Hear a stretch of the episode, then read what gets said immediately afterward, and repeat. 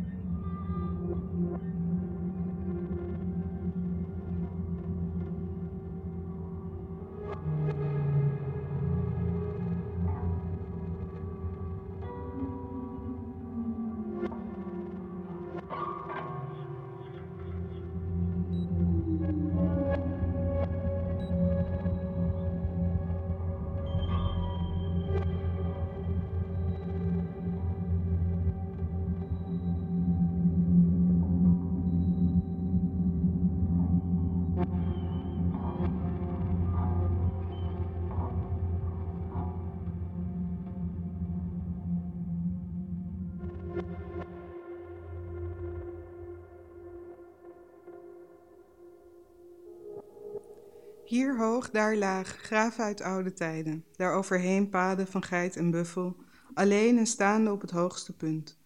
Hoe onbegrensd en droef zijn mijn emoties. Ik zie, wanneer ik omkijk naar het dorp, slechts onkruid dat de akkers overwoekert. De dorpelingen houden niet van bloesems. Ze planten meest kastanje, wegendoorn. Sinds ik hier in dit dorp ben komen wonen, komt nooit dit landschap mij bekoren. Te weinig bloesem, nooit een wielenwaal onopgemerkt verstrijkt elk jaar de lente. Dit schreef de dichter Bayouji in het jaar 813 met als titel Bij het bestijgen van oude grafheuvels ten oosten van het dorp, in vertaling van W.L. Idema.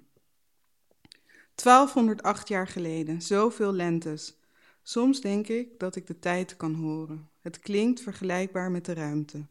Een metalen geluid zo omvangrijk dat het niet door de oren wordt getransporteerd, maar door de botten. Een geluid waarvan het lichaam zowel het instrument is dat afmeet als onderdeel. Onderdeel in de meest achterloze zin van het woord, zoals een boom van een landschap is, en ook zandgrond en droogte en de majesteitelijke wolken. Iets wat is, daar. Niet goed, niet slecht of nog niet in ieder geval. Niet noodzakelijk en niet overbodig, het is. En we zouden meer aan onze botten en longen en andere organen en ook tenen moeten denken en minder aan dat bewustzijn, die ziel, die, dat denken, dat denkende ding. En niet te vergeten die duivelse handen, takachtig in staat tot de grootste afschuw en tederheid. En ik vergeet die andere verschrikking, de mond. Over de ogen zal ik niet eens beginnen. De tanden en de botten heb ik altijd het sympathiekst aan onze soort gevonden. Waarschijnlijk omdat het zo mineralig is. En ook het haar en de nagels, zo dood en onverstoorbaar groeiend in ons. Toen al het overbodige leven stopte in de stad, kon ik door de stilte de omgeving in ringen om mij heen voelen. Ik voelde niet alleen de straten rondom, maar ook de straten daarna, de rivier. En, zelfs, en zelfs voorbij de grens van, grenzen van de stad voelde ik de velden daarachter.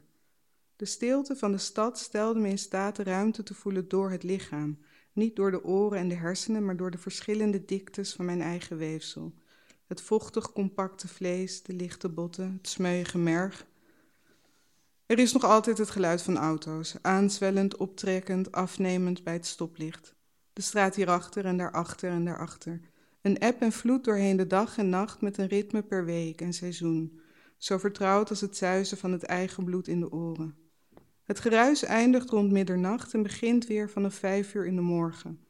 Een spoor in de tijd rondom de trajecten van beweging van mensen. Een half uur eerder en later dan waar ze verwacht worden.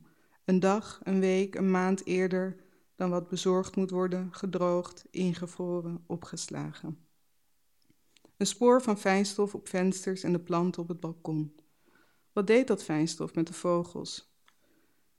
Ik herinner me een tijd dat de duiven onverstoorbaar diep koerden in de spelonken van bruggen en balkons. Ook was er elke ochtend een vogel die floot en een andere, buiten mijn zicht, die trouw antwoordde. Een pimpelmees? Hij, het was een fleurig dier, zat elke dag rond dezelfde tijd op dezelfde positie, precies voor mijn raam. De smalle tak schommelde van het hartstochtelijk gezang. Ik vraag me af waarom die tak de voorkeur had boven de andere takken van de boom, en die boom en de straat en het moment. Soms denk ik dat hij daar voor mij zat, precies in mijn blikveld als ik van mijn scherm opkeek. Maar waarschijnlijk was het de hoek van de zon die op dat uur precies op die tak scheen. Of misschien was er vanaf die plek de optimale weerkaatsing van zijn gezang. Er zijn steeds minder wezens nu die dingen doen om hun eigen onbekende redenen. Wat we nog hebben zijn consumptiedieren, mensen en huisdieren.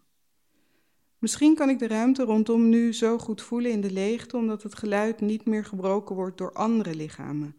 Klein en rond onder de grond, in de lucht, net om een hoek buiten het zicht.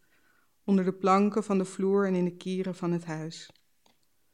Altijd als het water in de waterkoker bijna gekookt is, kijk ik verrast naar buiten in de verwachting een plotselinge heftige zomer buiten zien beginnen. Ik kan er niet aan wennen dat het geluid door een apparaat wordt gemaakt. Het klinkt zo natuurlijk.